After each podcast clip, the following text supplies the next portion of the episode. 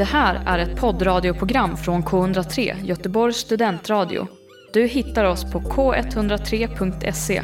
Av upphovsrättsliga skäl är musiken förkortad.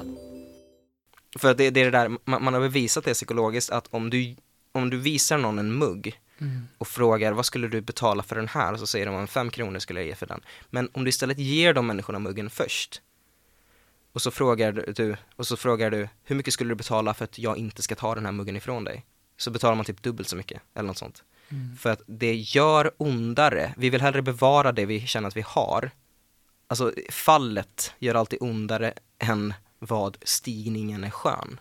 Förstår du vad jag menar? Mm, jag förstår precis. Nej, men jag, jag, jag tänkte väl i princip att får jag, inte- får jag inte den här rollen nu, då, då, då, är, då, är, det, då är det över liksom. men, men det fick jag. Vad tror du, så här, vad tror du, för att du sa sagt, det var, vad var det, typ 200 pers som provfilmade, vad tror du det var de såg hos just dig liksom? Jag, alltså, jag, jag hade en strategi hela vägen. Och det var att jag, jag, såg de här, jag såg de här killarna i kön och då kände jag att jag kan inte se mer viking ut än vad någon av de här personerna gör. Jag kan inte liksom, jag kan inte vara större eller starkare eller, eller hårdare än någon. Så då gör jag tvärtom.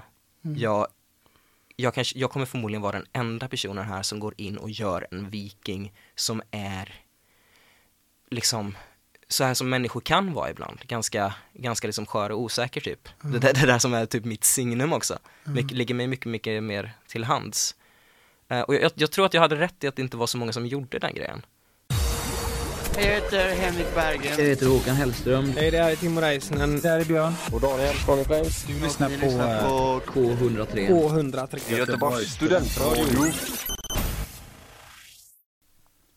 Välkomna till andra säsongen av Äkta känner äkta, en podd om teater och film. Jag heter Mark Standoft, jag är skådespelare och lärare. Under säsong två kommer ni tillsammans med mig få möjligheten att blicka in i olika kulturarbetares liv. Dagens gäst heter David Lindström. Välkommen! Tack så mycket. Hur, hur känns det här? Det känns bra, det är, det är kul att äntligen vara här. Ja, det, Oj. det har ju varit ett snack eh, ett tag att du ska gästa. Ja, men jag har ju varit lite, det har varit lite det att jag bara inte velat lova att jag kan komma en specifik dag. Men, eh, Du har nej, varit busy med andra ord. Ja, det har jag. Eller jag, jag har framförallt väldigt svårt för att känna att jag bokar upp för mycket och sen så går jag och tänker på det och bara så här, åh nej, vad, så ska man gå och oroa sig över det och så här, om tänk om jag missar eller tänk om det inte blir bra eller tänk om det kommer en krock eller någonting. Mm. Så det är lättare att bara säga, ja men vi tar, vi tar det längre fram för att Mm. det, Ja men precis, och som sagt nu är vi här. Mm. Så att det, det är jag skitglad för. Men vad har du gjort idag? Idag, eh, jag, jag har inte sovit så mycket. Nej, du, sa, du sa det. Ja, nej men det, det var, alltså, jag vet, jag vet ingenting om de här människorna men det var alltså eh, massa, förmodligen kids vill jag tro, eh, som har sprängt massa fyrverkerier hela natten Mm. hos mig. Ehm, och då gick jag och la mig sent som det var, ehm, för att jag har spelat eh, tv-spel. Ja, och sen skulle jag upp tidigt för att vi skulle eh, fota en grej med mitt band. Då, eh, och då satte de igång där vid klockan ett till och med typ klockan tre och eh, hade jättekul med massa fyrverkerier och grejer. Men alltså såg du de här fyrverkerierna eller hörde Nej, jag hörde det bara. Okej, ja. Jag vet. För att, jag, för att jag läste någonting i, var det i morse? Ja skitsamma, någon gång i helgen så läste jag någonting om, om att det var någon smäll i högst på höjd, men du, vad sa du, Hisingen? Nej, Hisingsbacka. Mm, Okej, nej men då är det ju inte samma sak där. Nej men det var, det var några sådana nödraketer såg jag som, som hade, hade brunnit av. Så, men, men mycket så här bombtårtor och sånt, jag tror att det är folk som värmer upp inför nyår.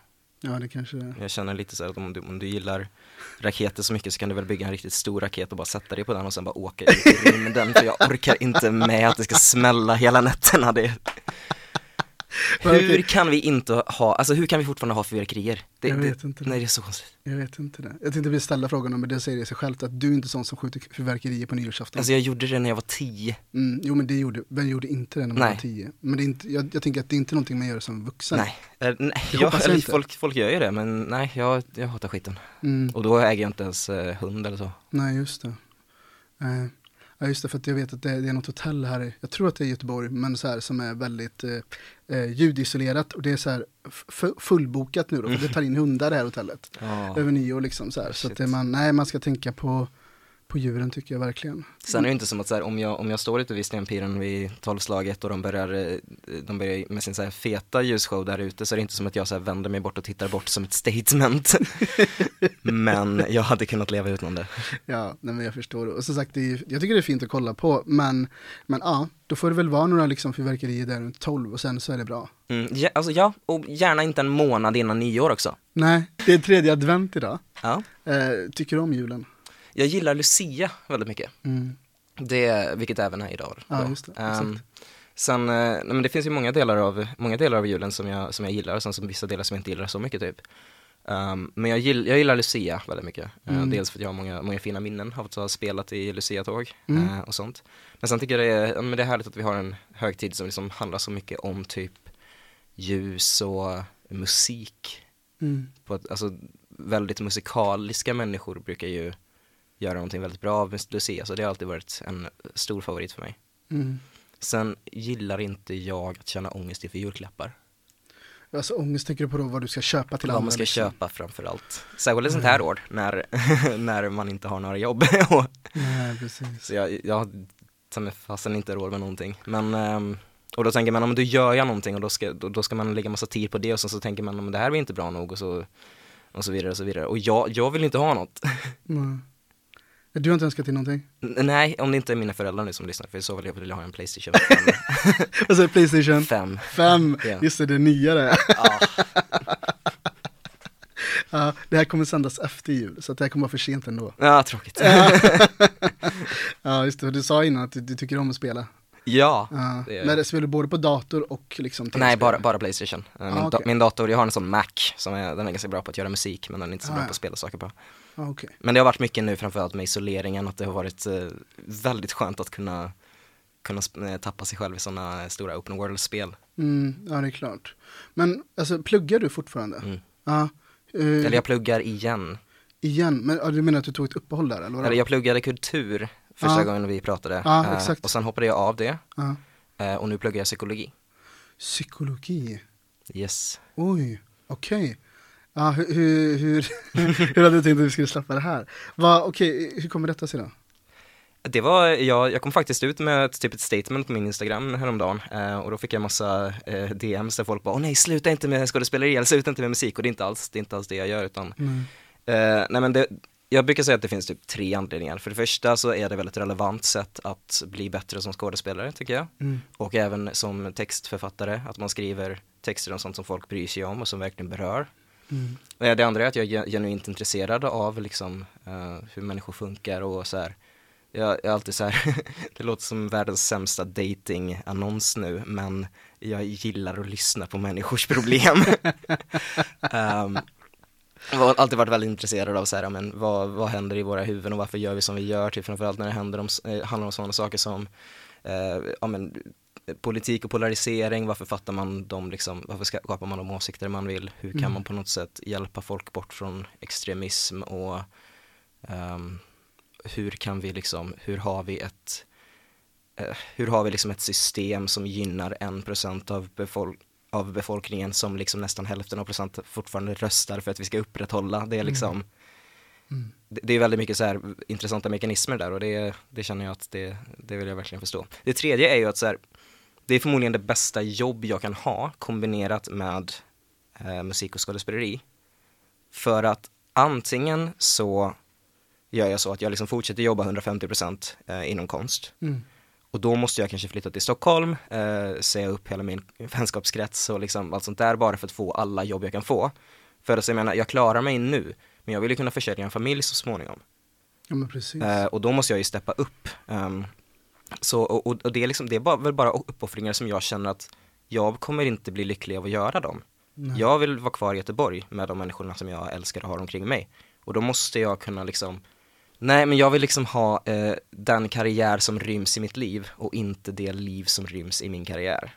Eh, om du fattar. jag förstår det. Andra alternativet är ju då liksom att ja, men, försöka att inte hålla på med skådespeleri och musik och att bli nöjd genom att ha en fin familj och fina vänner eller någonting. Men det, det går ju inte att bara liksom inte ha det här brinnande behovet som man har att, att hålla på med det. Det, är så här, det vet jag ju att jag skulle, jag skulle gå under om jag inte kunde sy- syssla med någon form av konst. Eh, så det tredje alternativet är då typ så här, om man håller på med konst på mina egna villkor, alltså inte ta alla roller som, som jag kan bara för att jag måste liksom betala hyran med det, utan göra de roller som jag tycker är intressanta, de projekt som jag tycker är intressanta, inte behöva liksom sätta min egen integritet på spel och då liksom ha ett jobb vid sidan om. Eh, och det är många som tänker så. Och då tar de ett jobb i typ restaurangbranschen eller i eh, butik och så vidare. Och det, där har jag också varit. Problemet är bara att både restaurangbranschen och butikerna är typ, alltså det är inte alls, eh, det är inte alls deltidsjobb. Det är inte deltidsjobb, även om de säger att det är det. För att de vill liksom att du ska vara tillgänglig och engagerad 100% av din tid, men sen får du bara 50% av lönen ändå. Det, det, det är det mest dränerande man överhuvudtaget kan syssla med. Så du kan inte jobba 50% i liksom en bar om du inte har liksom världens bästa chef och fortfarande känna att du har, alltså det, de kommer liksom suga ditt blod Mm. så tills du inte eh, har någonting kvar att ge liksom. Så det, så det där kan jag liksom säga, jag har testat det där och för mig funkar det inte i alla fall. Det kanske också är för att jag är så här, ja men jag, jag kanske inte är som alla andra, jag är, jag är deprimerad och så vidare, så jag liksom, jag kan väl inte riktigt jobba lika hårt som, eller jag kanske inte kan jobba 100% på ett kontor. Um, det vet jag inte, jag, de gångerna som jag har testat så jag brände nästan ut mig på en liksom 50% anställning i en bar. Mm. Men det här är grejen att om man då jobbar som psykolog så får man ju för det första liksom sätta sitt eget schema. Okej. Och det är, alltså, det är flexibelt på riktigt, men sen är det också det där att där, då behöver jag aldrig ställa mig själv den här frågan, gör jag någonting som räknas nu eller matar jag bara mitt eget ego? För att när jag var så här typ 17-18 år så var jag så himla övertygad om liksom kraften i skådespeleri för att på något sätt påverka människor och för att, eh, ja men till exempel jag vill göra politiska pjäser och så, men jag, sen började jag fråga mig, okej men om jag vill påverka politiskt eller eh, vad ska man säga, hjälpa människor emotionellt, varför blir jag inte bara terapeut eller politiker då?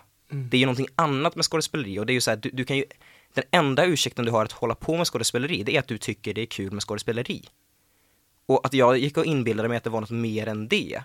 Det är liksom så här, det, det är inte så. Du, om du ska vara skådespelare så ska det vara för att du, du vill spela teater eller spela film. För allt annat liksom att att påverka politiskt och påverka emotionellt så det är fine, alltså det, det är bieffekter men om, om det är den främsta grejen du känner att du bidrar med med skådespeleri, bli, bli terapeut eller politiker då liksom. Mm. Kanske inte skådespelare är rätt yrke nu. Nej, det har du absolut rätt i. Men är det en, en kandidat? Ja, eller Mm. nej, det är ju, eh, Eller det är fem år. Ah, Okej, ja, ja, ja. Alltså det är programmet alltså. Så, Ja, okej. så det är väl ett masterprogram, eller ett yrkesprogram. Ah, Det är en sån mittemellan, men man blir liksom, och sen i slutet så blir man legitimerad. Okej, hur länge har du läst nu? Eh, en termin snart. Ah, ja, ja. Känns det bra? Det känns jättebra. Ja. Jag har aldrig läst någonting så intressant faktiskt. Nej, är det svårt? Ehm, ja, det, det, det är mycket att göra, men det är, nej, nej, det, det, alltså det, det är, vad ska man säga, det, det är mycket att göra, men det är väldigt, väldigt kul. Mm. Så det blir inte svårt för att man är genuint intresserad av det man läser. Det är skillnad från mycket av det som jag läste när jag till exempel pluggade kultur som var så här, okej, jag är jätteintresserad av eh, ja, men mycket så här etologi och eh, när det kommer till ehm, ja, men den sortens kultur som vi tänker på när vi tänker på kultur, alltså så här konst, teater och hela den grejen. Mm. Men sen har man liksom en vecka då man pratar om badhusens historia i Göteborg. Eh, och där är så här 30 sidor om Hagabadet på 1800-talet. Det, det, nej, det är liksom, Nej, det är eh, svårt. Ja, det är så här, inget, inget, inget, eh, inget ont om Hagabadet, men jag fattar precis vad du menar. Verkligen. Verkligen. Eh, vad intressant, det här, det här hade jag ingen aning om att, Nej, du, vad att du läser. Vad spännande. Du, vi ska köra tio snabba. Ja, Är, kör. är du beredd? Jag är beredd. K103. Fullständigt namn. Ulf David Felix Lindström, Ålder? 25. Nu, låt mig gissa, då är du 90... Vänta nu, 95? Ja. Aha, just det. Hur känns det att vara 25 då? Har du åldersnöja? Eh, ja, det, har jag- eller om några, några veckor så blir jag 26 och då är jag ju närmare 30. Ehm, och det är, alltså jag är ju inte 30. Nej. Ehm, men det känns som att jag förväntas kunna vara 30 om ett år och det är jag inte. Det är långt mellan 26 och 30. Jag vet, men det känns inte så. Så ja, jag har åldersnöja. Vad händer när du fyller 30 då? Jag vet inte, alltså jag tror att jag kan komma undan på att jag ser så jävla ung ut. Jag ser fortfarande ut att vara typ eh, 19. Ja, 22 kanske? Ja, Ja, kanske det. Mm. 19 ska jag inte säga, men 22, ja. Ja, Nej men jag får, eh, jag, jag försöker embracea det för jag har alltid fått höra att jag ser väldigt ung ut och det ville man inte när man var liten. Men nu, nu försöker jag på något sätt. Men jag kanske har tappat det nu, det, det kanske är, är alltså, håret klättrar bakåt och då, så här, då har man babyface men inget hår så det blir så här, en dålig kombo någonstans. Nej men ja, jag har åldersnöja men jag hoppas att så här, jag hoppas att min, ja vad ska man säga? Jag hoppas att min eh, ålder utifrån Fast det spelar väl ingen roll heller.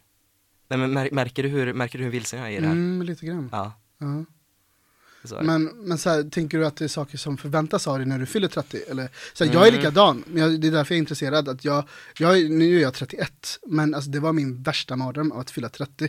Och det var så här att, ehm, det var precis som att på min 30-årsdag, då var det någon som knackade på dörren liksom så här, ding, ding, ding, och du vet så här, man bara öppnar bara.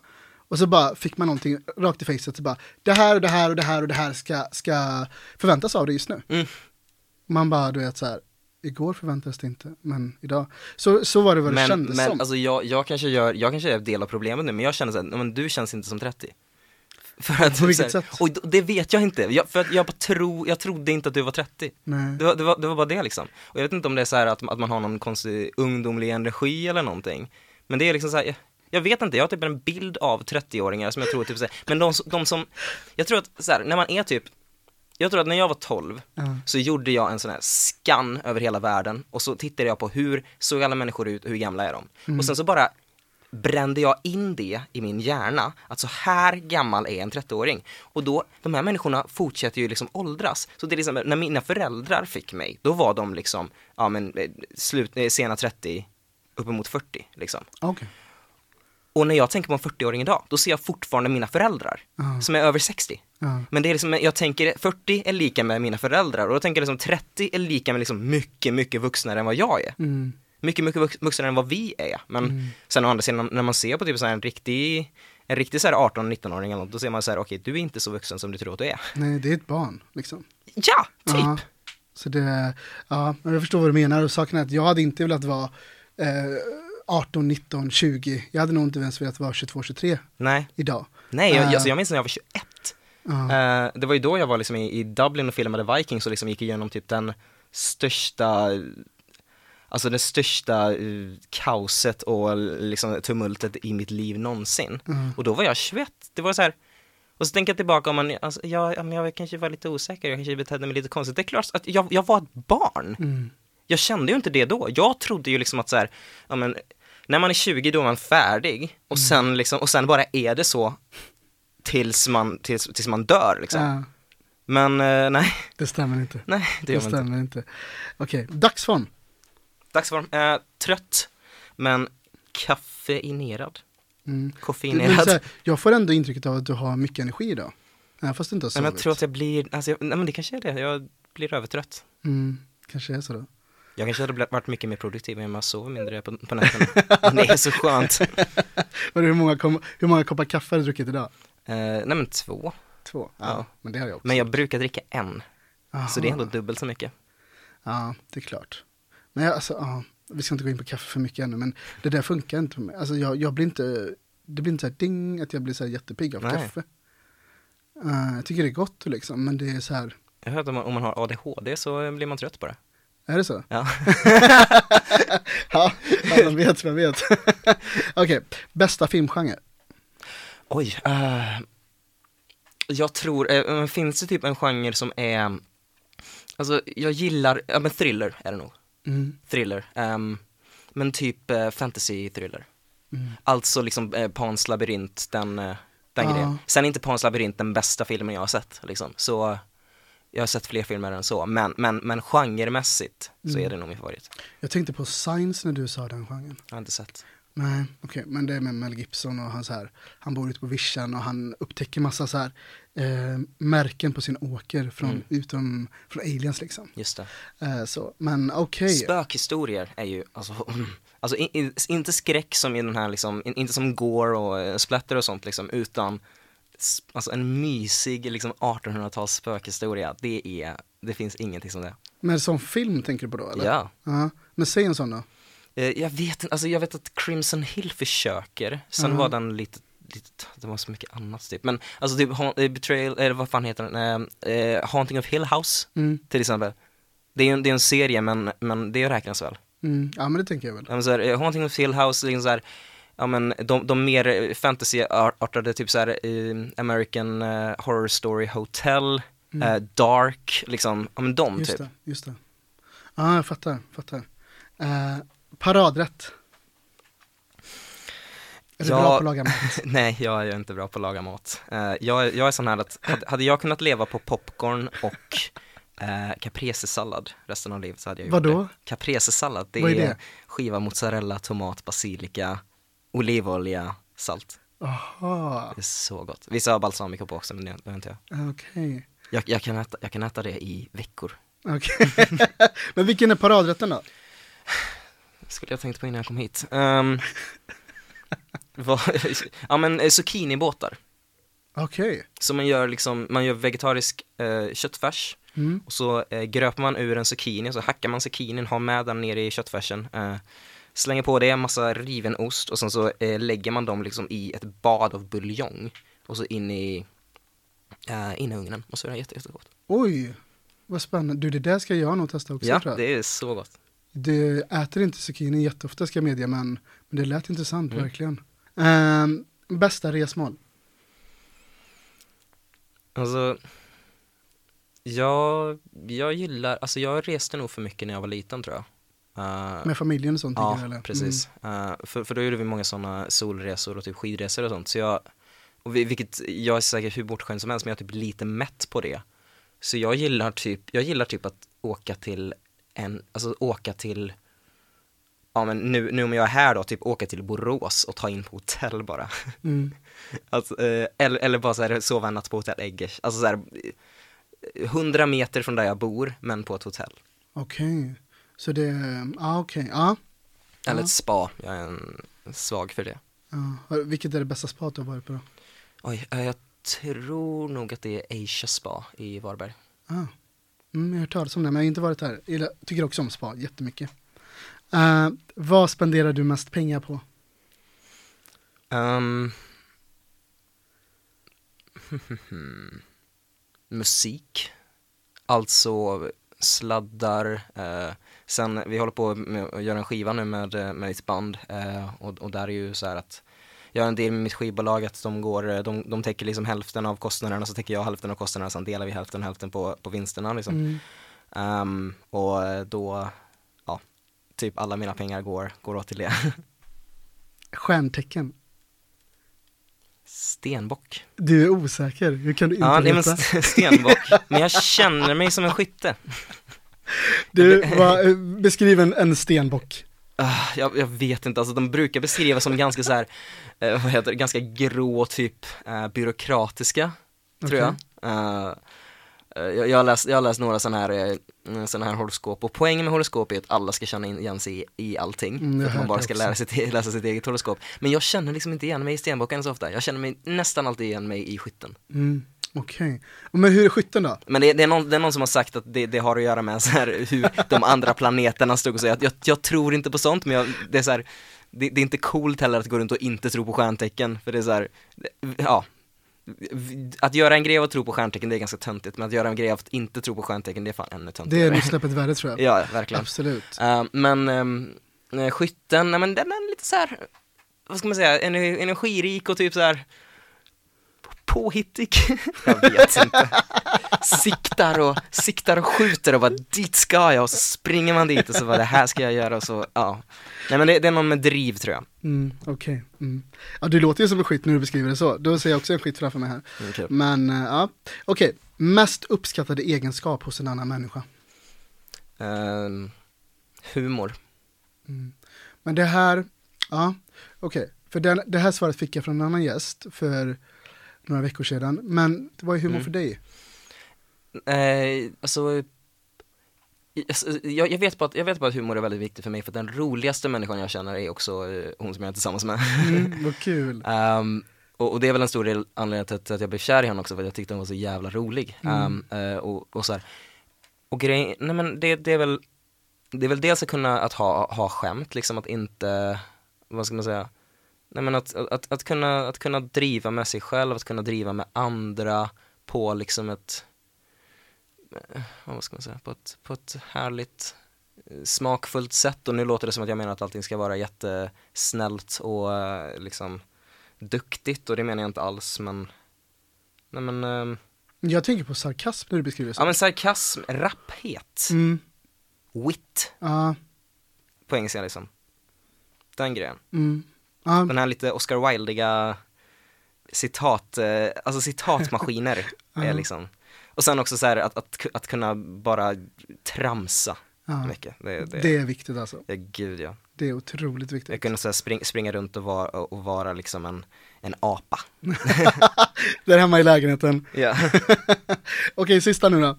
Vad hade du velat säga till ditt tioåriga jag? Håll ut, tror jag Mm. Hur var du som tioåring? Mobbad, Mobbad? ja. Mm.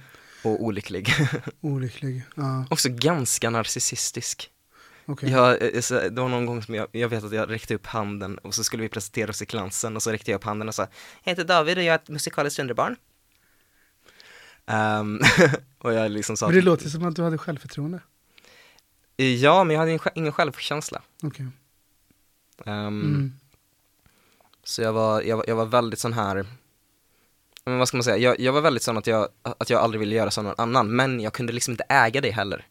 Mm. För det är ju en grej att när, om, man typ vill, om man typ är annorlunda, jag var ju så här, jag, jag, eh, jag lekte nästan aldrig med, med killar utan jag lekte med tjejer och jag, jag, jag liksom ville alltid leka så här väldigt dramatiska och så här nästan regisserade, så- alltså jag ville typ göra pjäser och berättelser liksom. Eh, det, var så här liksom att vi vaknar en dag och så kommer vi fram till en galen vetenskapsman som har för, förtrollat oss till hundar liksom, sen går man runt som hundar liksom, alltså, eh, den grejen och inte så här typ jaga eller hoppa bock eller sånt typ.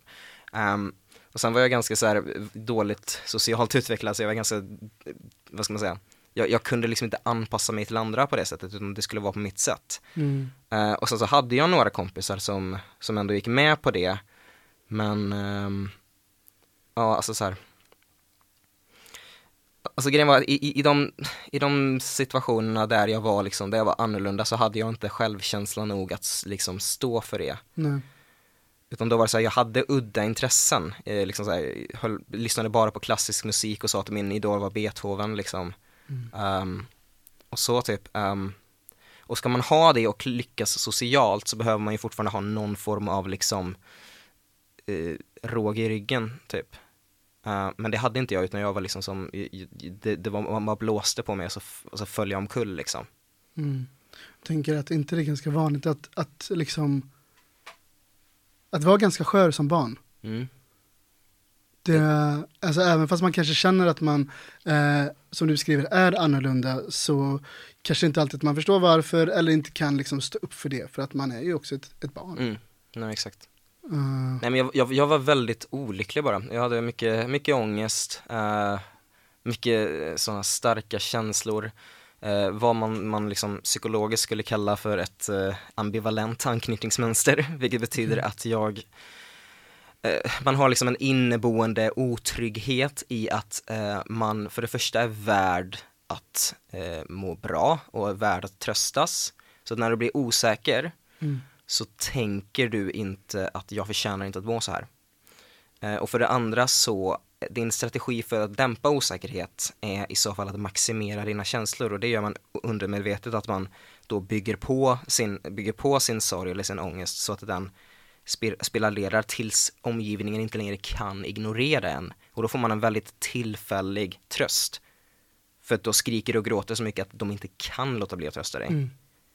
Men det där är kortsiktigt och sen så går det därifrån och då, då liksom sliter du ut människor omkring dig och så vidare.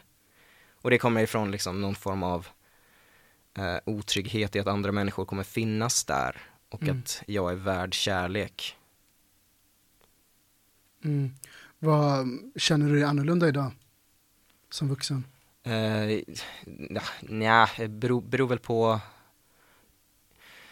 Alltså det jag känner, jag känner mig allra mest annorlunda är typ när jag ser um, Det här kommer låta som sånt, sånt koketterande men jag känner mig typ inte som en kille Mm. Alltså till den grad att jag har gått runt och funderat så här, är jag ens, är jag ens kille eller är jag någonting annat? Eh, någon form av liksom icke-binär eller så.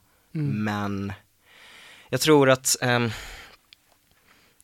jag tror att för min del så är det snarare det att eh, mansrollen är så pass eh, snäv och konstig att eh, man kan känna att vad, vad, vad fan är det här? Utan att det betyder att för att jag, jag, har, jag, har, jag har ingen form av liksom eh, könsdysfori eller sånt och jag menar inte att man måste ha det heller för att vara trans eller icke-binär men det är jag, jag tror helt enkelt det är att jag, jag inte de, definierar mig med så som jag tror att folk förväntar sig att en man ska vara. Jag definierar mig inte med min liksom nästan stereotypa bild av män. Mm. För man gör så att man stereotypiserar väldigt mycket så att när man ser liksom män ute på stan så, så applicerar man själv massa förväntningar på dem och då övertolkar man allting som liksom eh, matar den förväntningen och, få, Mm. och får sin egen bild bekräftad. Eh, och den bilden som jag har av män där är väldigt långt ifrån hur jag ser på mig själv. Men jag tror att det har med, det har med den bilden att göra och inte med min egen könsidentitet. Nej, jag förstår. Mm. Sen är det väl det här att jag, eh, ja vad ska man säga, jag har, jag har väl en psykologisk skörhet typ. Nära, nära till känslor, en ganska lågt grundhumör typ. Mm. Jag, sen, eh, ja. Mm. Jag förstår. Och som sagt eh, David, alltså, är det nu i efterhand så att du, när du lyssnar igenom det här, när jag klippte, att du känner bara, "Nej, det här vill jag inte. Nej, men just liksom." nu, just nu känns det bra, men jag Ja. kan, eh, vi kan se om det Nej men precis, Ja. så, det, så då, så bättre att vi pratar nu och så får jag klippa bort det sen liksom. Får, jag- får, jag, får jag bara bygga vidare på det här? Mm, självklart. Gre grejen är bara den att när, när man är liksom i ett sammanhang med konstnärer Mm. så är det väldigt vanligt att folk känner så. Så där, det är väl nästan lite att man har blivit som man umgåtts. Mm. Eller att jag har sökt mig till folk som har varit som jag. Å andra sidan så märkte jag väldigt mycket det första gången jag gjorde Blå ögon som var min första då stora professionella roll. eh, att en väldigt stor del av min identitet hade varit att jag, nej men jag, är, jag är konstnärligt lagd och jag är skådespelare. Och det var nästan det som jag använde. För vi, man bildar sig en identitet i, på två fronter. Det ena är vad identifierar jag mig med och vad identifierar jag mig ifrån. Och jag byggde väldigt mycket av min identitet ifrån liksom att jag, det som gör mig annorlunda i en grupp, det som utmärker mig är att jag är skådespelare och konstnärligt lagd. Men om någon då placerar mig i en grupp där alla är skådespelare och konstnärligt lagda, då rasar hela min självbild. För då kan inte jag längre definiera mig och utmärka mig utifrån det, för där är jag liksom i ett rum där alla andra är Mm. på det sättet som har varit typ den enda definierande, det enda definierande draget som jag har sett hos mig själv. Så då börjar man liksom skala tillbaka till nästa lager, men vad, det, vad, vad gör mig speciell i det här sammanhanget? Ehm, och så vidare. Och då märkte jag till exempel i Blå ögon att det var en fråga som jag inte hade ställt mig själv. Eller det var en del av min identitet som jag inte hade grepp om. Så jag blev extremt vilsen. Nu, nu får du utveckla, hur kom du fram till det när du spelade in Blå ögon? Nej men jag, jag- blev bara extremt vilsen för jag kunde inte längre eh, Jag kunde inte längre gå runt och låta min självbild bero på Eller låta min självbild vara lika med jag är skådespelare och jag, jag är konstnär. För det var alla. Mm. Och min identitet på något sätt kräver att jag kan eh, särskilja mig från någon annan. Och jag kunde inte göra det på bara de kriterierna, så då var jag tvungen att börja titta på massa annat. Och det som jag hittade då när jag skalade tillbaka ett lager, då var det, då var det sånt som jag för, för det ena, å ena handen inte tyckte om hos mig själv. Alltså jag, jag, kunde vara jag kun- kunde vara extremt eh, självupptagen och impulsiv och nästan, nästan liksom manipulativ. Fast på det här sättet att man maskerar det bakom ett så här snäll och skön kille-fasad. Mm. Om du förstår vad jag menar. Det är så här, vi- vissa, vissa killar gör en väldigt stor grej av så här, ja, men jag, jag, är, jag är feminist. Och därför, och jag, jag är feminist och till exempel att man då lever i en polyförhållande. Eh. Och det är så här, det, det kan man absolut göra, men väldigt många som jag, som jag känner till i alla fall, använder den grejen för att på något sätt då ha ryggen fri när det kommer till att du, du har ett förhållande med massa andra människor som inte är med på de här reglerna som du spelar med. Och du pissar på de här människorna, men för att ingen ska kunna ställa dig till svars för det, så eh, målar du dig själv i liksom, som, som, eh, som, som att du är, ja men, ja men för, förstår du vad, jag menar? Man, man koketterar liksom med den här progressiva, progressiva fa- fasaden Mm. och använder sen det som på något sätt alibi att bara trampa som- på andra människor liksom. liksom. Ja, Ja, precis. precis. Ja. Så, så, så det, var, det var väl min första stora identitetskris tror jag. Och det, det jag gjorde sen, som var, som var det värsta var att när jag kom tillbaka till Boråsen ifrån Blå ögon, då hade jag istället börjat särskilja mig själv som den som hade varit med på TV. Mm. Och jag visste hur oklädsamt det är att gå runt och gå runt och säga det till folk, utan det var inte förrän jag blev full som jag kunde slänga mig med sådana saker som, äh, men, googla mig, eller så här. Mm. Sånt, utan och, och, och, och problemet där är att när jag sen kommer ifrån det och har som enda som enda liksom identitet att hänga upp mig på är att jag har varit med på TV. Och så kommer jag i ett sammanhang, så flyttar jag till Dublin där alla där är större filmstjärnor än vad jag är. Mm. Vem är jag då? Mm. Och, och, och då märkte jag att den jag var då, det var att nej, men jag var ganska, ja men då började jag väl på något sätt tvinga sitta mig själv i det att ja, men jag, jag är ganska omanlig och omanlig och känslig och har vad många uppfattar som konstig humor, eller jag, jag, kan, jag kan framförallt inte säga, jag kan inte riktigt röra mig inom, inom mainstream humor, va, vare sig, alltså så här, jag gillar generellt sett inte typ mainstream musik. Inte för att det är något fel på det, jag har en annan preferens. Mm. Um, och, och, det och det betyder att den musiken som jag, som jag ser där var liksom inte välkommen och min, mitt sätt att vara var inte välkommen. Utan jag blev liksom kallad för, kallad för bög och kvinna och liksom allt det där för att, alltså in, in, inte för att, inte för att jag gjorde, gjorde någon illa, utan för att jag, nej men, när man inte, när man inte ville ta en shot eller någonting, och det låter det som att det bara var jargong, men det var, men det var liksom, det, det var väldigt, väldigt mycket den här, den här den, den kulturen att du skulle, du skulle vara på ett särskilt sätt i en särskild roll. Och när jag plötsligt började upptäcka, nej men det här är inte jag, utan det jag kunde särskilja mig med, det jag då hittade och tog fasta på, det var sånt som inte var välkommet, det var sånt som, som rent av var föraktat. Mm. Um, som sånt, ja men, uh, vad, vad, vad, ska man säga, nej men när, när det gäller typ, när det gäller att bryta, bryta mot mansrollen eller att uh, utforska sin sexualitet och, och sånt, det var bara det, det, och det var min andra stora identitetskris. Mm. Um, men efter det så, efter det och typ två års grov depression Mm. så började det bli bra. Och nu är jag på något sätt, nu är jag på något sätt någonstans där jag känner att jag, jag kan, jag kan äntligen definiera mig själv inte utifrån att jag hela tiden ska särskilja mig själv. Eller utan för att, utan framförallt att jag, jag behöver inte vara så himla performativ i min identitet. Jag behöver inte hela tiden visa upp vad jag kan eller visa upp vad jag tycker om. Som att liksom så här, för det är också väldigt lätt när man vill vara en så här duktig medveten kille, att då vill man ha sett den senaste finkulturella filmen och då vill man visa upp det för, för, för, för, för alla. Men om, om det där inte kommer från ett genuint intresse utan att du bara hela tiden springer runt och koketterar, det, det är ihåligt och det, det räcker med att du blåser på någon Mm. och, och så faller det där av. Men jag kom undan med det så länge, så jag har inte, jag har inte förrän nu börjat stå upp för att jag tycker inte att, jag tycker inte att fotboll är kul.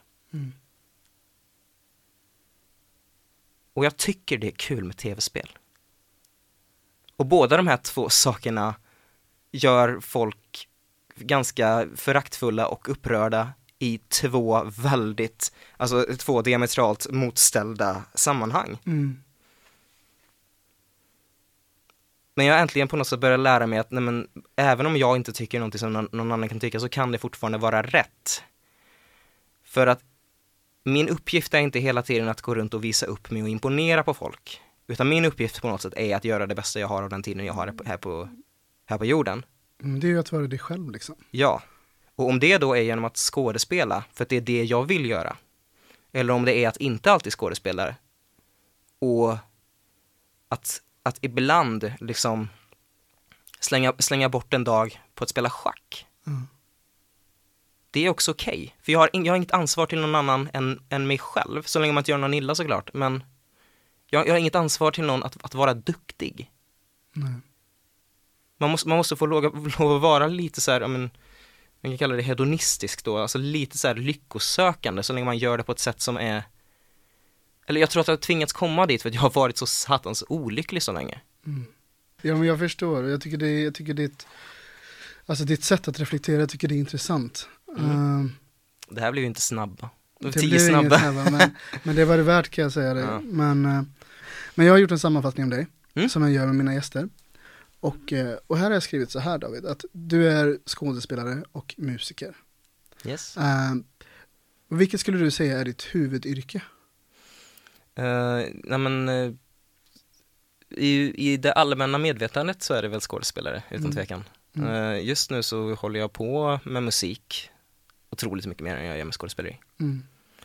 Och jag tror väl att musik har väl alltid känts mycket mer som just min grej. Men det är också, jag är väldigt så här, gräset är gröna på den, på den andra sidan för att när jag håller på med musik då längtar jag tillbaka till skådespeleriet när jag håller på med skådespeleri.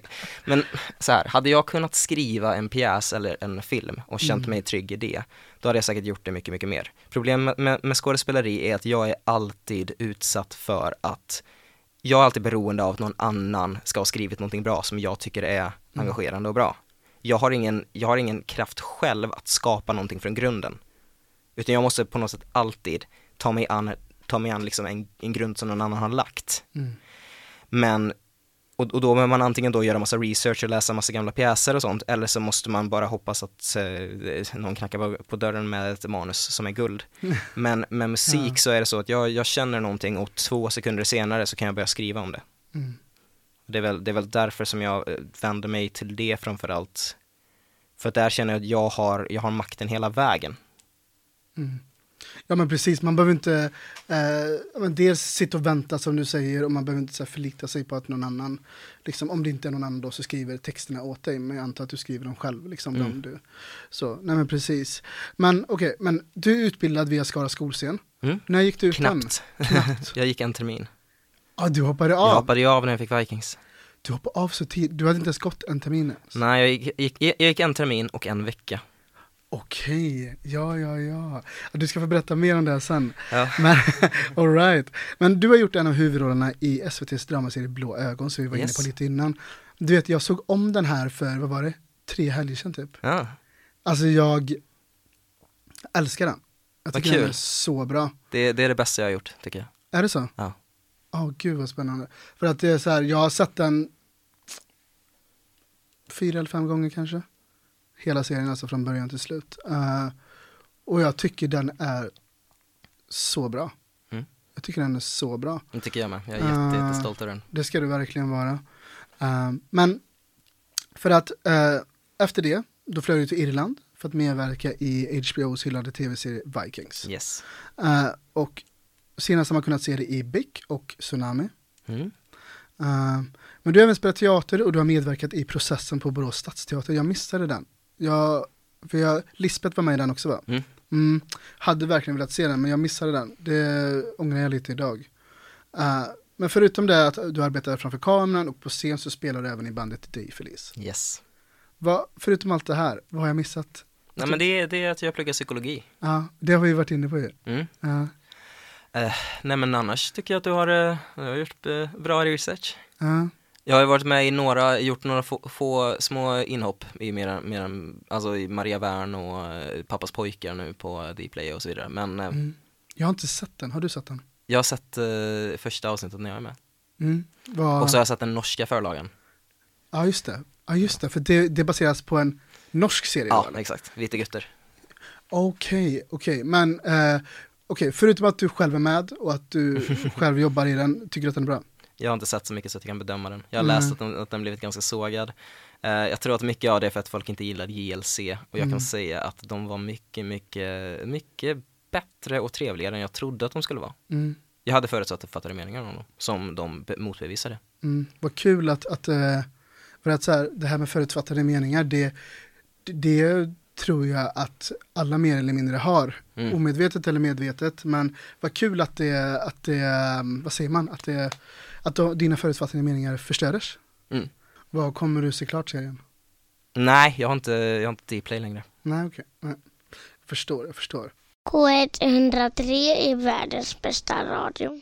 Vi var inne lite på din uppväxt eh, innan, men du är uppvuxen i Borås. Ja. Vet du att jag är uppvuxen i Ulricehamn? Nej, det visste jag inte. Nej, det är bara så här tre mil emellan. Ja, verkligen. Jag har varit massa i Ulricehamn. Är det så? Ja, jag, jag har ju gått till gymnasiet med folk som bor där. Jaha, okej. Ja, jag gick på gymnasiet i Ulricehamn, men eh, ja, alltså det är så här, Borås och Ulricehamn, det är ju verkligen så här, känns som grannar. Ja, jag älskade ju när ni höll på med Uport. Just det, den här musikfestivalen. ja. ja, har du varit där? Ja, Ja. eh, jag har också varit på Dr Bombay i Ulricehamn. Dr Bombay. Det var så underbart för han öppnade med Calcutta och sen avslutade han med Cal- Calcutta Ja, och sen direkt efter så körde han extra nummer och det var Calcutta igen. Tre gånger alltså. Dr Bombay, shit. Eh, jag tänker på så här disco när man själv var typ, ja, jag vet inte hur gammal man kan ha varit men jag tänker på den här, finns det inte något med någon tiger också? ja, SOS. Ja, just det, så heter det ja. Just det. Ja. Det är, så, det är så otroligt problematiskt alltså. Ja, gud. Ja, Men, men okej, vad- hur var det att växa upp i Borås?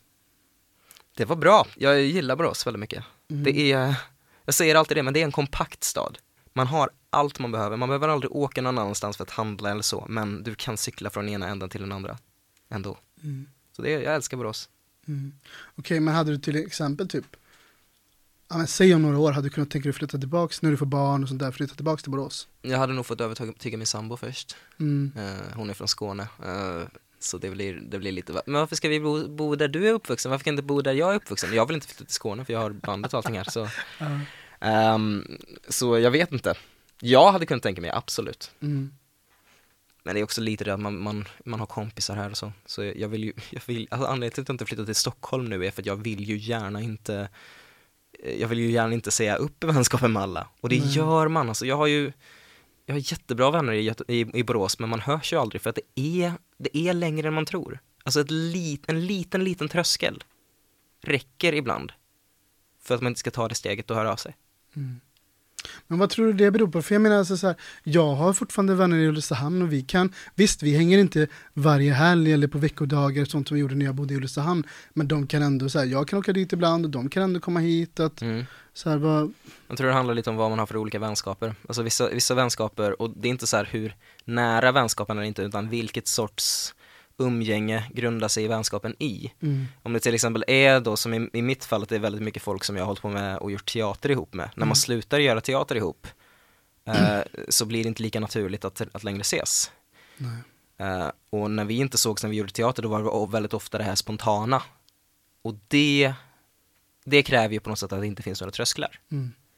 Så, ja, det förstår jag verkligen. Sen har ju jag, jag har ju kompisar uppe i Stockholm liksom som, som man, man ses inte på flera år, sen så kommer man upp dit och så är det som att man aldrig varit isär. Mm.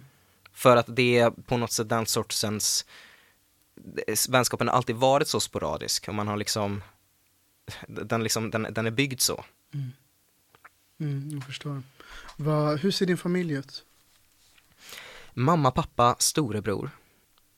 Har du bra kontakt med din familj? Ja, eh, det har jag. Vi adventsfikade idag på, Jaha. Eh, på länk. Ja, vad trevligt. Det är väldigt trevligt. Mm. Ehm, Har ni fått ta mycket avstånd nu när det här året liksom i och med pandemin? Och... Ja, men vi har också kommit, kommit varandra lite närmre. Jag liksom det, det, går- det går ju lite upp och ner så, men just nu, just nu känner jag att liksom min relation till hela min familj är på, på vägen upp. Mm, Det är skönt. vad härligt. Men hur kom du in på teater och filmspåret liksom?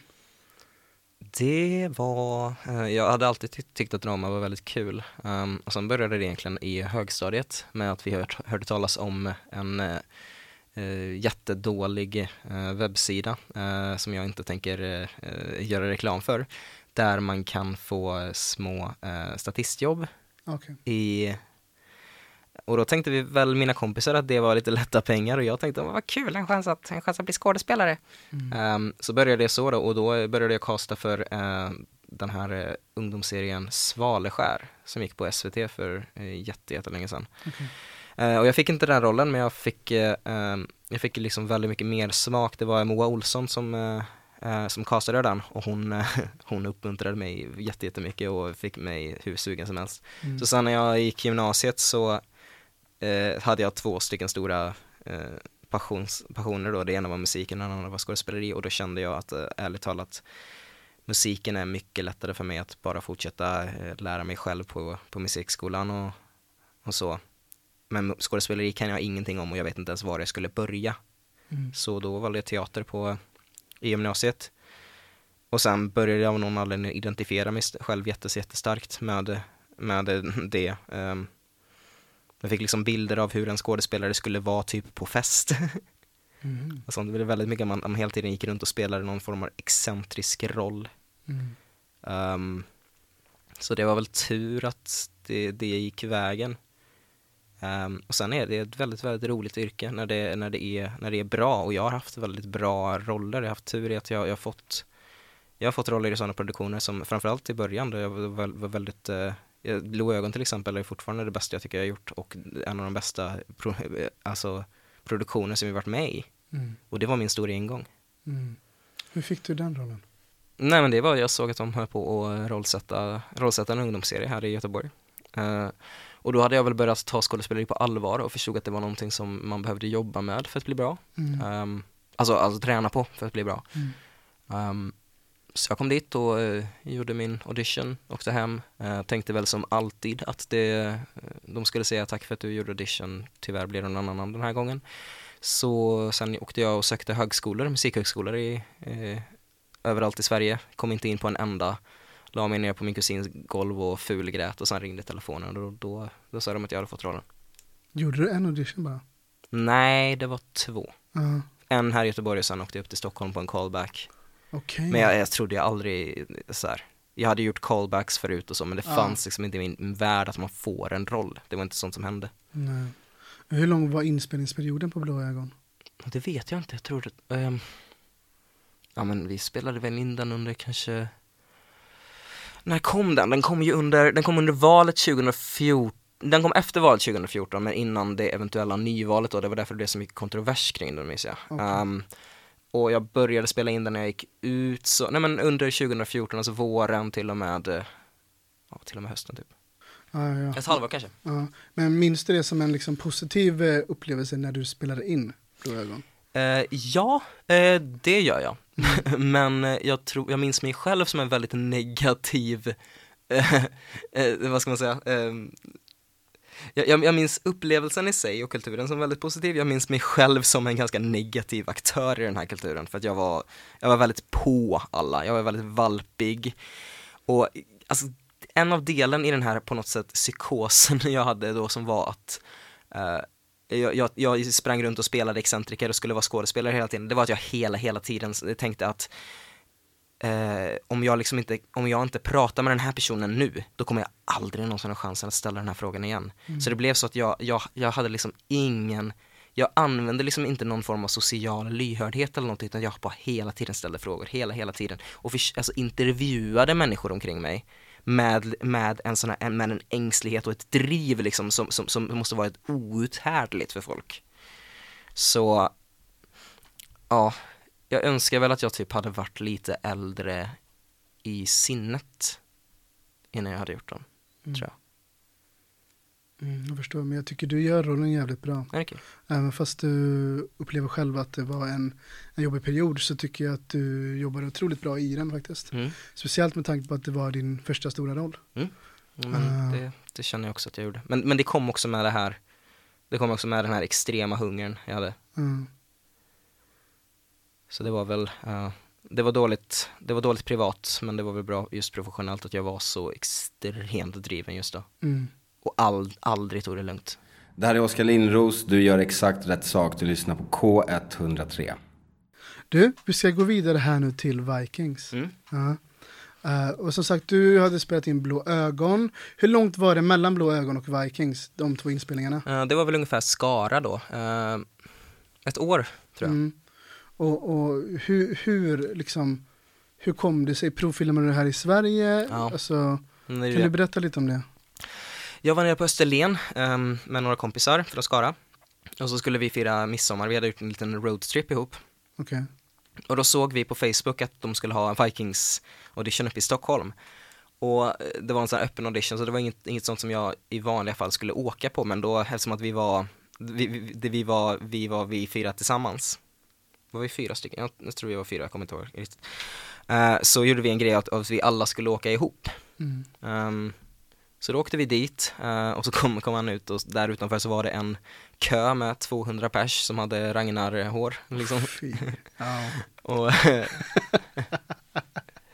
ja, och sen, eh, sen var det en väldigt, väldigt lång och eh, turbulent castingperiod. Eh, Och det var väldigt mycket det där också att jag, usch, gud, jag, jag, jag, eh, jag var så orolig hela tiden. Jag, jag mejlade liksom fram och tillbaka och så här. Eh, den här senaste auditionen jag gjorde, där hade jag en jättetöntig tröja på mig. Här är en bild på mig där jag ser mycket coolare ut, liksom så här. Alltså ver verkligen, verkligen den grejen. Så jag, ja, jag, jag, var, jag var på och jag var väldigt så här att om det tog två dagar för dem att svara mig, Mm. eh, från att jag hade gjort en, från att jag hade gjort ett steg i auditionprocessen till att eh, jag fick deras mail, så sov inte jag de dagarna. Åh fy. Utan det, det var verkligen så. Sen kom jag tillbaka till Skara och jag kände, jag, jag var så uppjagad i det här då och jag kände bara att fallhöjden just nu, eftersom att jag visste att jag var liksom sista steget ifrån att få rollen. Mm. Så jag kände, jag, jag, jag kan liksom inte, det kan inte vara så, jag, jag kommer inte klara det om det inte blir så att jag får rollen nu. Mm. Jag kan inte gå, gå tillbaka till, till, till det normala.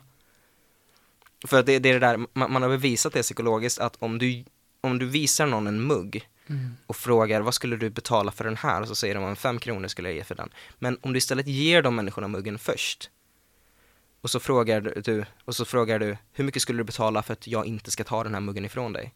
Så betalar man typ dubbelt så mycket eller något sånt. Mm. För att det gör ondare, vi vill hellre bevara det vi känner att vi har. Alltså fallet gör alltid ondare än vad stigningen är skön. Mm. Förstår du vad jag menar? Mm, jag förstår precis.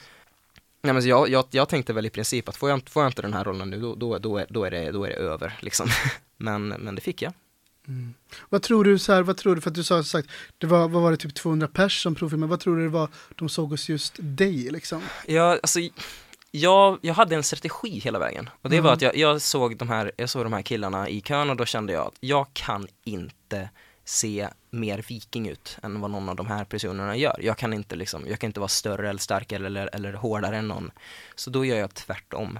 Mm. Jag, jag, kanske, jag kommer förmodligen vara den enda personen här som går in och gör en viking som är liksom så här som människor kan vara ibland, ganska, ganska liksom skör och osäker typ. Det, där, det där som är typ mitt signum också, mycket, ligger mig mycket, mycket mer till hands. Eh, och jag, jag tror att jag hade rätt i att det inte var så många som gjorde den grejen. För att, eh, för det första, alltså i början så stannade castaren mig i princip och sa det att ja, men vi, vi, vi, är ute efter, vi är ute efter någonting annat. Det, du, eh, du, är, du är, har liksom, du har någonting som vi tycker är intressant, men det blir nog en annan roll till dig och inte, för att till de här rollerna vill vi ha stora, hårda killar liksom. Men eh, någonstans där så verkar det som att de, de helt enkelt ändrade sig och köpte, köpte min ingång lite mer. Mm. En viking som var, som var lite mer Jag tänkte också att den här karaktären är ju också Sigurd är ju 14 i, i serien Är det sant? Ja, och, och då tänker jag hur, hur Hur trygg var man när man var 14? Mm. Man blev ju man blev vuxen mycket tidigare på den, på den tiden, absolut. Mm. Men, men, nej, men jag, jag ville väl på något sätt få den här, det kan ju inte vara så att man, man föds och så är man en liten mördarmaskin hela livet, utan det måste ju finnas en övergångsfas där någonstans, när man, när man går ifrån liksom att, att, att vara ett litet barn till att bli vuxen, och det, det där är ju inte alltid smooth. Nej. Så det var min idé, att så här, jag, jag tror att den där processen där i mitten skulle jag kunna fånga på ett sätt som jag tror att inte så många andra var intresserade av att göra. Mm. Hur, många, hur många auditions fick du göra för, Det tror jag räknade till att det var sex steg. ja, var det self-tapes inblandade också? Ja, det liksom, var det. Ja. Uh, Så men, först var det då i Stockholm, sen var det callback, sen var det ett antal self-tapes eh, och eh, slutligen att åka till Irland och eh, göra audition där och då. då. Okej. Och det var, det, och det var också där, det var också där, varje, varje, varje gång så var det att de, de sa att, ja, som sagt, vi vet, inte om, vi vet inte om du är rätt för den här rollen, men ja, vi, vi, vi gillar det, det är, no, det, är någonting, det är någonting med dig. Och så var det till, till och med så att sista auditionen så minns jag att eh, Sista auditionen så, så, så kom ehm, då eh, de som spelar huvudrollerna in, alltså eh, Travis och Alex, Alexander kom in Mm. Eh, och så skulle vi alla ställa oss upp på rad och liksom posera ihop med dem typ. Och då gjorde jag någon sån awkward liten vinkning. och då såg Travis det, han bara, okej, du kommer ju aldrig få den här rollen. Åh nej. och sen, sen, när jag, sen när jag var där och vi sågs i, vi sågs jag höll på att byta om så sa han, va? How the fuck did you do that? så, Men, okej, men jag vill veta, så här, du har gjort sex auditions, var exakt är du någonstans när du får samtalet om att du är klar, du har fått den här rollen? jag, jag, jag, jag är på Skara. Mm. Ehm, Jag tror att det är mellan, scen, mellan eh, lektioner. Eh, och då vet jag att min agent, eller det var inte min agent då, men det var de, jag hade liksom tagit kontakt med en agentur under tiden för att hjälpa mig titta på, eh, titta på kontraktet så ifall jag skulle få den här rollen, för då Ja. i, så, i så fall skulle de vara intresserade. Mm. Ehm, så de hjälpte mig lite igenom i den processen och först så ringde de mig och då så sa jag, ska jag sitta ner? Och då sa nej nej vi har inget besked till dig än. Och sen dagen efter så ringde de mig igen och jag bara, jaha. Och jag sa, nu ska du nog sitta ner. Och det gjorde- jag och så sa de att jag hade fått rollen. Vad, hur tog du emot det? Jag har aldrig varit så glad i hela mitt liv. Nej. Det är, det är det lyckligaste ögonblicket i mitt liv. Faktiskt. Mm. Och det är typ, jag skäms typ lite att säga det. Men jag har aldrig varit så glad för någonting i hela mitt liv. Som när jag fick den rollen. Det var också det för att jag hade börjat, jag hade börjat bli så här orolig och osäker igen efter Blå ögon. Att jag tänkte att nej, men jag, nu har jag gjort det här men, men rollerna trillar inte in så vad, vad, vad, vad fan händer nu då? Okej då, då, då gör jag väl aldrig en roll igen. Så jag hade börjat tänka okej nu, nu, har- nu har jag pikat, nu blir det någonting mer än det här. Mm. Och så hade jag, jag vet inte, när jag kom tillbaka till Skara, det var bara, jag, jag, jag var så, jag var så osugen på att gå där ett år till och liksom, och slita med det där, när jag liksom hade fått smak på det här på något sätt. Så det var så mycket, det var så mycket som släppte och det var så mycket som bara trillade ner på mig under just den, under just det ögonblicket. Eh, för att du tränade väldigt mycket inför den här rollen. Ja. Hur, hur såg det liksom arbetet, hur lång tid hade du på dig liksom? Eh, jag hade några månader tror jag. Ehm, jag kommer inte- riktigt ihåg men jag vet att jag gick upp 20 kilo. Mm. Det är mycket. Det, det är mycket. Speciellt att gå upp.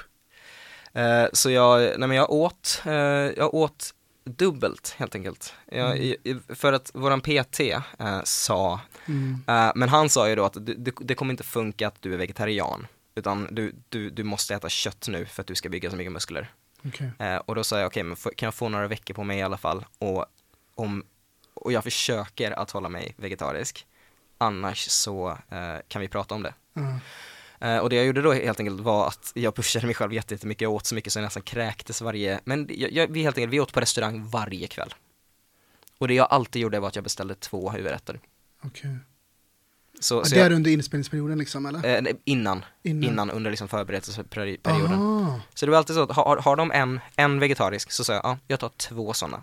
Nej men så, så man sitter där och äter och så eh, är man mätt efter en men så fortsätter man bara pressa och pressa och pressa och det Jag är fortfarande sån idag nu att jag, jag tror att jag typ Jag tror att jag typ gjort sönder min mage på något sätt för att idag kan jag bara trycka en pizza på liksom en, en minut och inte bli mätt. Oj, Jag kan äta hur mycket, jag har liksom ingen botten längre. jag måste ta ut din magsäck så mycket. Ja, ja, förmodligen. Ja.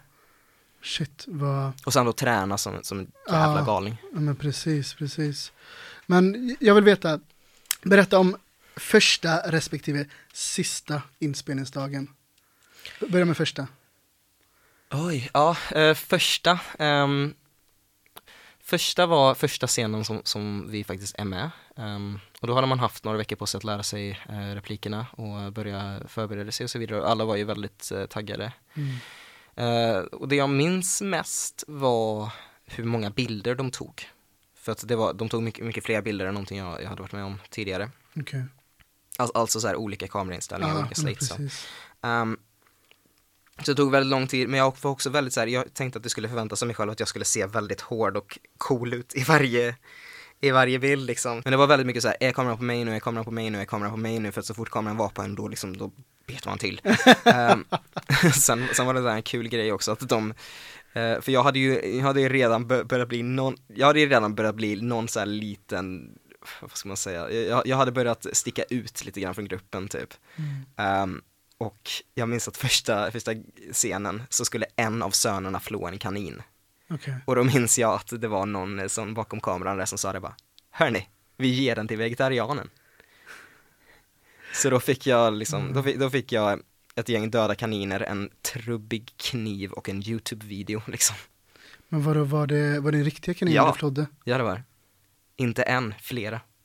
Ja, jag vet vilken scen det är, ni är uppe i bergen där eller? Och det, Ja. ni, ni syskon liksom och, eh, och ehm, vad heter han? Ehm, han kommer uppridandes där. Björn. Björn, precis. Ja. just, Just det. det, Björn, Ragnar är borta då. Ja. Men okej, men det var riktiga kaniner. Ja, typ sex stycken. Och fy! Alltså som vegetarian också. Ja. Jag hade aldrig gjort det där, usch. Men det var väldigt underförstått att om någon säger till dig, eh, liksom gör det där. Mm. Då gör man det. Ja, gud ja. Mm. Okej, men sista inspelningsdagen, vad, vad, vad var det du filmade då? Eh, jag hade två stycken sista inspelningsdagar. Den ena var den när jag filmade min sista scen. Mm. Eh, den andra var att jag fick sen komma tillbaka och filma en extra scen som de la tillbaka eh, i mitten. Jag kan berätta om båda, men frågan är, vill du, hi- hi- hinner vi det eller vill du ha? Men ta en av dem. Ta en av dem. Ja, min sista inspelningsdag var en dag då vi, då vi filmade en scen när jag och Ubbe badar. Ja. Eh, och då, ah gud. Det var, det var också en av de tuffaste scenerna att spela in.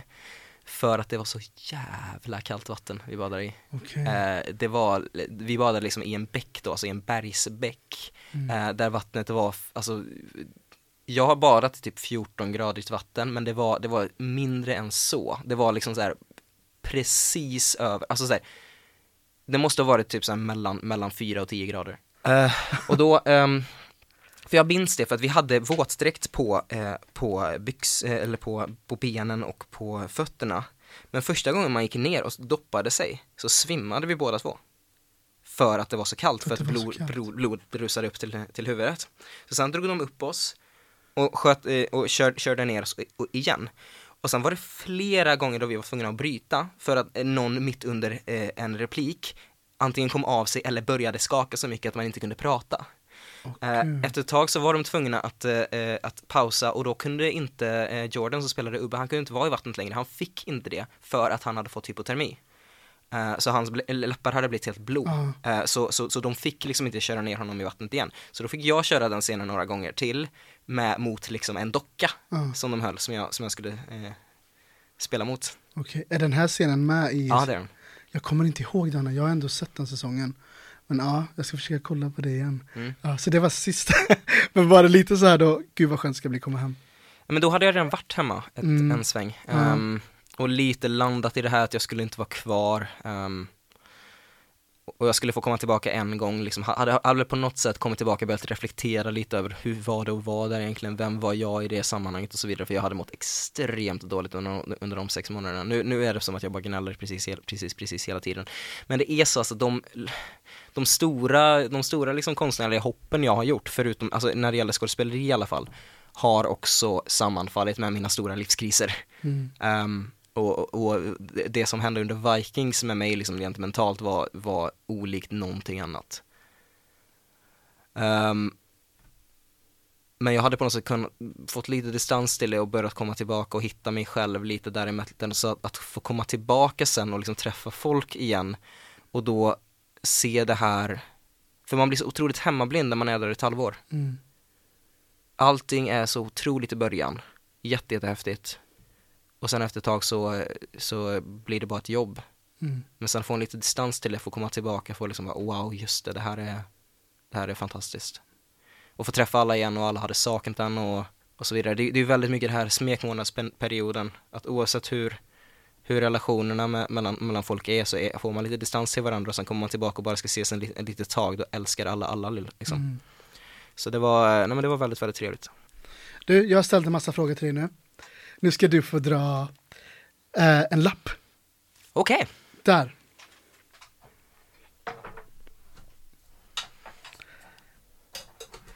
Ska vi se vad det står. framtid. Åh, vad spännande. Hur ser du på din framtid?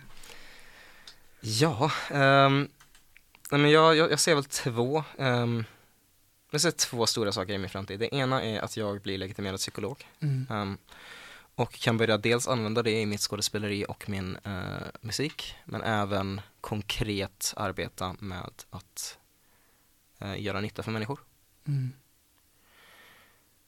Eh, och nu kommer, nu kommer skådespelare bli, bli arga på mig och eh, ledsna och så vidare, men, men, men jag, jag, känner att, jag känner att som psykolog gör man, gör man det på ett sätt som man kanske inte gör som skådespelare.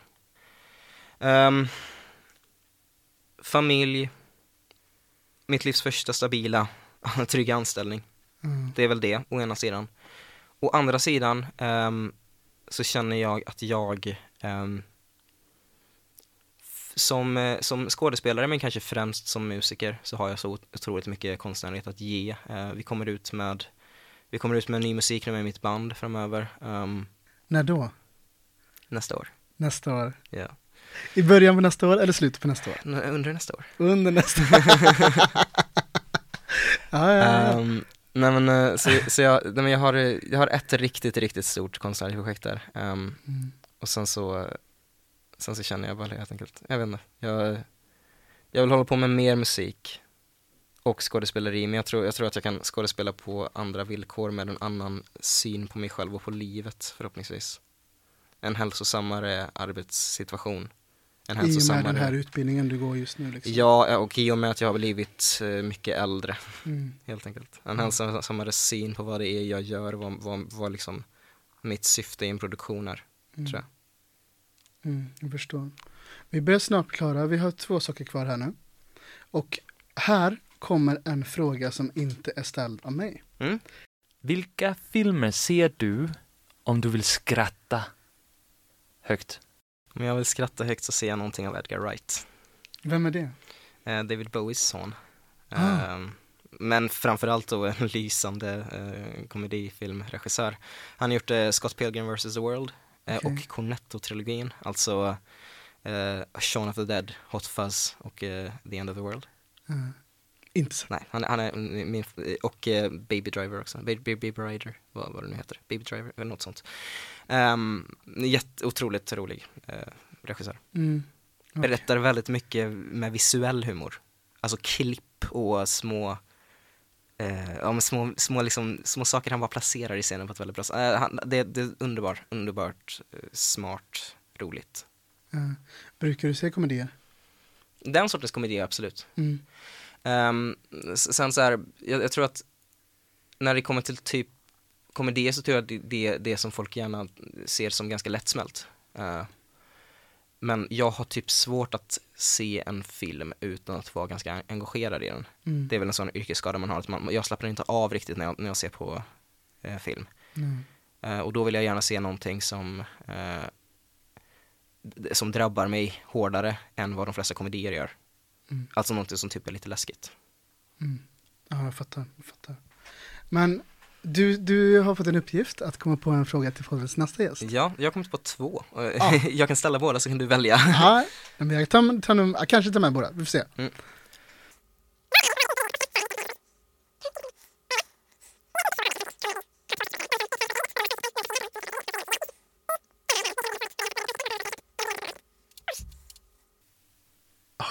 Ja, vilken bra fråga. Det är kul. Ja, jag blev alldeles stum. Vad hade du själv valt? Kroppen bakom ansiktet tror jag. Ja, Men, men det är också den duktiga, det duktiga svaret. För det känns ju som att ansiktet på kroppen, då vill man ju bara vara känd. ja men precis. Då vill man vara skådespelare för att, för att det är glammigt. Det är lättare att känna igen ett ansikte än en kropp. Ja. Men, men jag har ju alltid gjort, eh, vad ska man säga, jag, jag har alltid, jag vet inte, jag, jag har jag har inte kapitaliserat på möjligheten att bli känd Nej. riktigt. Um, utan jag har väl, jag har väl inte typ så här. Jag, jag, jag dras inte till, till den glammiga delen av det riktigt. Så för mig är det, jag, jag försöker på något sätt att försonas med att jag är skådespelare för att jag tycker det är kul att vara skådespelare, alltså inte kul att vara skådespelare utan kul att skådespela. Mm. För det är två olika saker. Mm. Tycker du det är kul att vara skådespelare, då vill du vara personen med ansiktet. Tycker du det är kul att skådespelare, vill du vara personen bakom ansiktet. Mm. Och jag tror att jag är den andra sorten. Ja, det ska verkligen bli spännande att se vad, vad nästa gäst svarar. Mm. Det, jag tror att om jag tar en av dem, då kommer jag ta den senare frågan. Ja. Men, eh, ja, vad, vad roligt det här var. Vi är klara nu. Ja men kul, det var jättekul. Ja, det, du är väldigt intressant att lyssna på. Jag hade kunnat sitta i många, många fler timmar. Men tiden springer iväg och vi har bara studion ett visst antal. Det var, det var jättesnällt sagt, tack. Ja, nej, men jag menar det verkligen. Och det, ja, Nej, men det är väl, verkligen. man, blir, man, blir väldigt, eh, man blir väldigt trygg av att sitta här och prata, känner jag. Mm, Det, det kommer ganska naturligt. ja, vad skönt att höra. Och du har lyssnat på ett avsnitt av Äkta känner äkta med mig, Marcus Standoft. Och David Lindström. tusen tack för din tid. Tack själv. Det, känns det bra det här nu eller? Ja, absolut. Mm. Får vi se hur det känns i efterhand sen. Precis. Eh, hej då, vi hörs nästa gång helt enkelt och ha det så fint. Ska du säga hej då? Hej då! Du har hört en poddradioversion av ett program från K103. Alla våra program hittar du på k103.se. Följ oss gärna på Facebook eller på Instagram. Vi hörs!